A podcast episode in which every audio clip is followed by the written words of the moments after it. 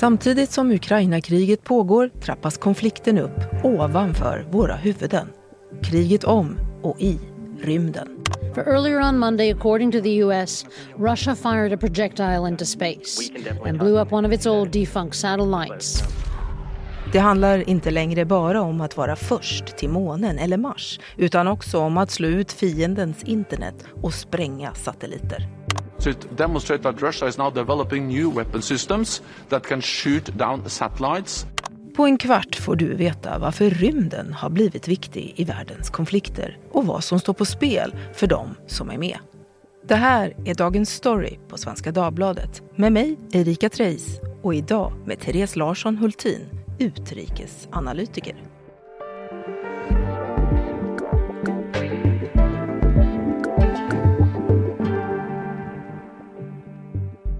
Hur nära ett krig i rymden är vi, Therese?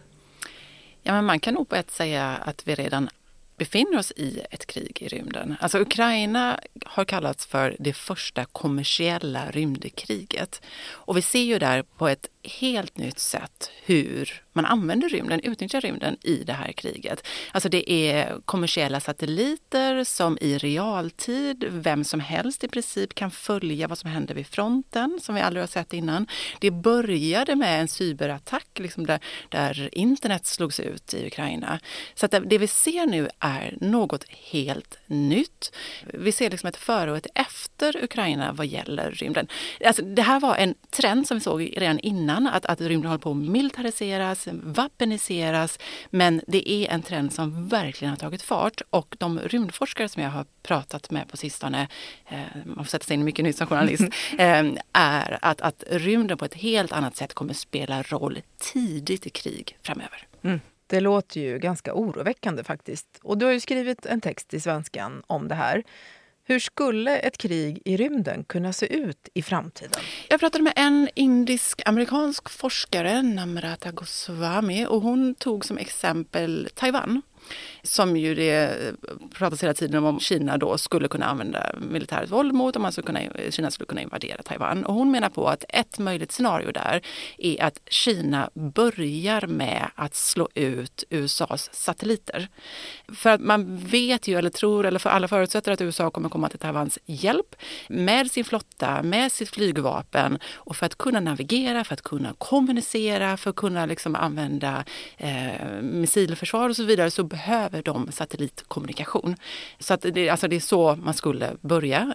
Vilket är, sen skulle det skapa massa rymdskrot och det finns, hon har höll en lång utläggning ja. som man blir alldeles mörkrädd. Men, men... Vi återkommer till dem, till skrotet. Men ett, ett informationskrig i, i någon mån är ju det du talar om. Men det här började ju också innan kriget i Ukraina. 2021 var det så, så sköt ju Ryssland ner en av sina egna satelliter. What few expected was this.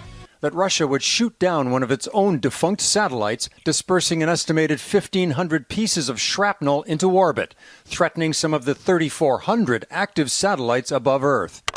Det låter mm. ju alldeles knasigt. Varför gjorde de det?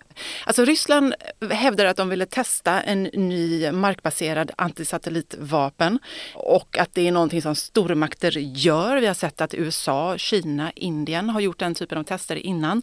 Men alla tolkar ju det som att Ryssland ville markera att man var beredd att slå även, man ville visa vad man kunde, sina förmågor och även att man var beredd att, att starta krig då även i rymden. Mm. Here's a cool fact. A crocodile can't stick out its tongue.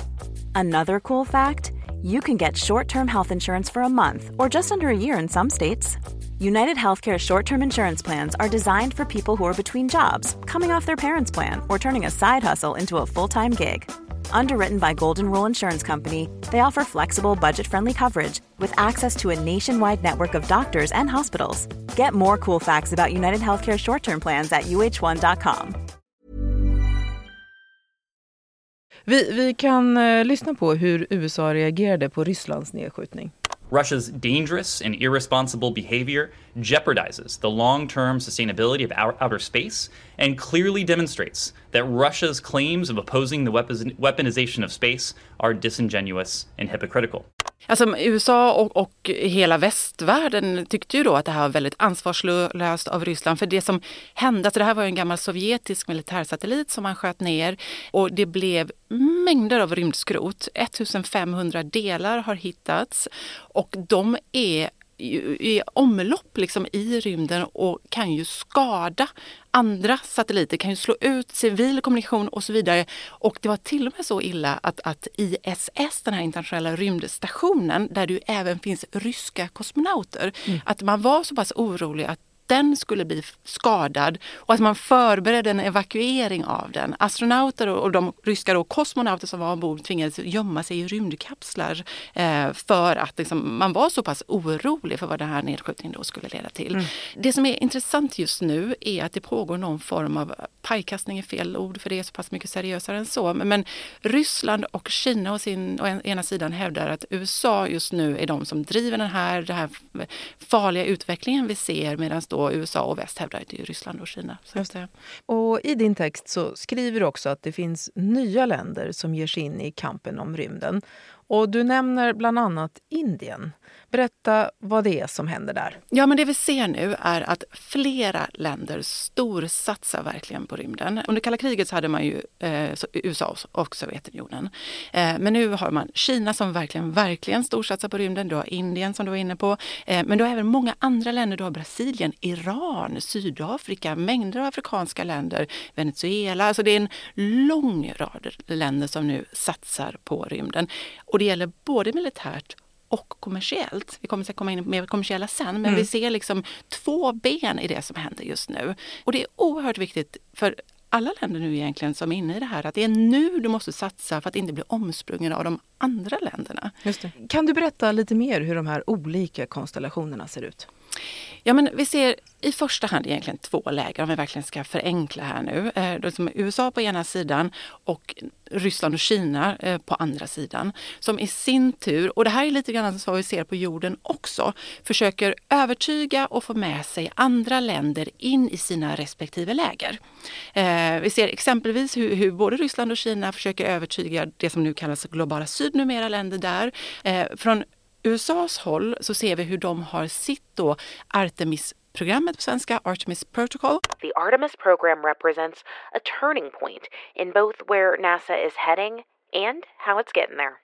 Det är ett program där man ska, hur man ska utforska solsystemet. Mm. Och det ber man då länder att skriva under det här eh, Artemis-programmet. Och det har 28 stycken länder gjort än så länge. Lite europeiska länder, lite här liksom ute. Eh, Indien bland annat har gjort det också. Men det vi ser tydligt då är ju hur du har två, de här två polerna eh, och hur de hela tiden anklagar varandra för att driva utvecklingen i en farlig riktning. Och det är väldigt starka ord, inte minst från Ryssland och Kina som säger att USA just nu håller på kolonial nu är det svårt ord, håller på och kolonialiserar liksom, och försöker tvinga, menar då Ryssland Kina, eh, länder eh, som Indien till exempel in i det här avtalet och Artemis-programmet. Mm. Vilket då USA hävdar inte alls är fallet. De, de menar ju å andra sidan istället att det är Ryssland och Kina som håller på att driva den här farliga utvecklingen. Det som vi ser hända, hända på jorden händer också i rymden. Okej, så vi har då fler länder som nu satsar på rymden där alla vill vara först. Och sen har vi framförallt två stora konstellationer som anklagar varandra för att driva på en farlig utveckling. Kan du utveckla vad det är för något? Ja, men det handlar ju då, som jag var inne på från början, där om satelliter mm. eh, i första hand. Yes. Dels då om att man ska ha markbaserade vapen för att kunna skjuta ner satelliter, eh, men även i rymden. Eh, det handlar också om, att, eh, om att, att satelliter i sig kan användas som vapen för att slå ut andra satelliter. Under kalla krigets dagar fanns det några hundra satelliter i rymden. Nu finns det 6 000. Man tror att 2030 så kommer det finnas 30 000 satelliter i mm. omlopp. Mm. Eh, och som en forskare som jag träffade här på FOI sa, alltså Svenska totalförsvarets forskningsinstitut, eh, hon sa att i rymden så kan egentligen allting användas som vapen. Det beror på vem som håller i kontrollen. Du kan ta en civil satellit och styra den rätt in i en annan satellit och därmed krockar den så du förstör den. Det finns satelliter som är utrustade med en robotarm så man mm. kan förstöra en annan satellit. Du kan störfunktioner, du kan blända med laser, det finns massa olika sätt. Men, men, vi har ju talat en del här nu om den militära kapplöpningen. Men det pågår ju också en kommersiell mm. upprustning mellan alla dessa länder som du har nämnt. Vad, vad vet du om det? Rymdteknik överhuvudtaget har blivit mycket billigare. Satelliter idag är mindre och det är billigare att skicka upp dem, det är billigare att skicka upp eh, raketer. Så att det har gjort att det, vi ser att även, innan var det bara stater som hade råd, nu har även då kommersiella bolag råd.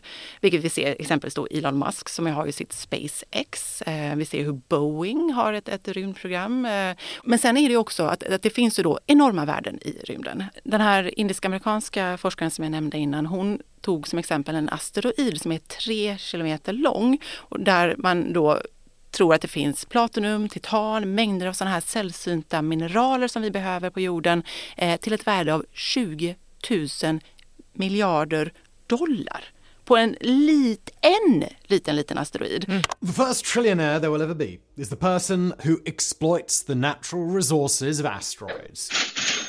Men vi talar om gruvbrytning i Ja, liksom jag, typ. Jag antar det. Ja, jag, jag vet faktiskt inte. Men jag antar det, att det blir någon form av gruvbrytning i rymden. Månen likadant. Det finns jättemycket värdefulla material där uppe. Och dessutom eh, helium-3 som man tror ska kunna användas. Kan man utvinna det och få det till jorden så kan man använda det i kärnkraft. Eh, och det är då inte radioaktivt, utan mm. det är liksom, så det är ju energi. Kina håller just nu på att utveckla solpaneler i rymden då har du ju solljus 24 timmar om dygnet, 365 dagar om året eh, och det är totalt solsäkert. Ja, ehm, så att, och kan du lyckas med det, det är ju jättestora pengar att hämta. Plus att man då nu försöker bygga, både Ryssland, Kina och, och från eh, amerikanskt håll bygga månbaser. Dels ta, ta hand om de här då mineralerna men även att man ska kunna med månen som bas sen ta sig längre ut i solsystemet eh, för att utforska mer. Mm. Talar vi eh. om Elon Musk också då som vill ta frakta människor ända till Mars? Eller? För, för det är ju liksom olika typer av aktörer här och ja, han är ju en av dem. Ja, ja och en av de eh, största. Ja, och kan du säga någonting om vilken typ av spelare han är och, och hur påverkar han rymdkriget eller rymdkapplöpningen som pågår? Nej, men han är ju en väldigt viktig person. Han är ju den som har exempelvis täckt eh, Ukraina med, med, satelliter och gjort att de har kunnat ha internet nu här under kriget. Och han skickar ju som sagt upp folk i rymden. Men det är inte bara Elon Musk. Det finns mängder av andra bolag, inte minst då i Kina exempelvis, som har en väldigt stark kommersiell rymdsektor också. Så att det är liksom, det, det är många olika som nu vill ha eh, vara del och med och dela av kakan som då finns där uppe ovanför oss. Mm. Du har ju talat så tydligt och noggrant om det här med skrotet. Mycket ska brinna upp men det mm. skulle också kunna krocka och ha sig. Det vill säga att det känns ganska läskigt. Och jag såg en, en bild mm. eh, på jordklotet där det såg ut som en flugsvärm mm. runt omkring. Det var mängder med skrot som trots allt cirkulerade eh, där. V vad vet du om det? Är det så där trångt med sopor ja, i men rymden? Det är, ju, det är ju farligt med allt det här, eh, med allt det här skrotet i rymden. Exakt exakt hur trångt det är kan jag inte säga. Jag, jag är trots allt ingen rymdexpert. Eh, jag har bara läst väldigt mycket på sistone. Men det kan ju verkligen ställa till det. Mm. Eh, och det är därför behöver man också hitta nya avtal, nya internationella avtal, hur man får lov att skjuta ner, hur, liksom vad man får göra för att hitta sätt att reglera ja, för hur, detta. Hur ska det gå till? Finns det inget sätt att reglera vem eller vilka som får agera i rymden? Problemet är att har, det finns inget regelverk. Det finns ett rymdfördrag från 1967 och det har ju hänt en del sedan dess. Och nu kan inte väst och öst, om vi säger så, förenklar, kommer överens om. Ryssland, Kina har lagt fram ett förslag, eh, flera gånger har de lagt fram samma förslag som USA förkastar. USA har ju försökt reglera och det, det som förkastats från andra hållet. Så just nu är man inte överens. FN har haft en arbetsgrupp som hållit på i två år tror jag eh, och de skulle lägga fram en rapport här nu nyligen, eller ett protokoll kanske till och med bara var, som, som Ryssland blockerade och vill inte alls ha det där för de menar då på att det är USA som driver och de vill ju se en världsordning både på jorden och i rymden där USA mm. inte styr. Mm. Eh, men båda sidor blockerar varandra. Men då är ju möjligheten att man kan tänka sig att kanske ett afrikanskt land kan lägga fram ett förslag som ett kompromissförslag framöver som de kan enas runt. Så det finns ju på lite sikt ändå mm. förhoppningen om att man ska kunna hitta sätt att, mm. att reglera rymden. För det är mycket som behöver um, Alltså den, är, den är inte oreglerad men, men det finns ändå saker som behöver fyllas i. Det finns mm. luckor. Men du Therese, mycket av det vi har talat om idag känns ju väldigt deppigt. Finns det något positivt också med det här som händer som vi kan ta med oss? Ja, men det, det kan ju komma mycket positivt ur den. Jag menar, kan vi lösa energiproblemen genom liksom, helium-3 från månen så är det fantastiskt. Eh, kan man hitta sällsynta mineraler som vi behöver för den gröna omställningen på jorden så är det också fantastiskt. Så att det, det kan ju verkligen, alltså, eftersom det nu då storsatsas så kan det ju verkligen komma mycket gott ur det. Mm. Gäller bara att hoppas att, inte, att det, det håller sig där. Mm. Tack Therese för att du var med. Tack. Du har lyssnat på Dagens Story. Producent idag var Alma Hogenäs. Redaktör Stina Fischer och jag heter Erika Treijs. Vill du kontakta oss så kan du mejla på dagensstory.svd.se.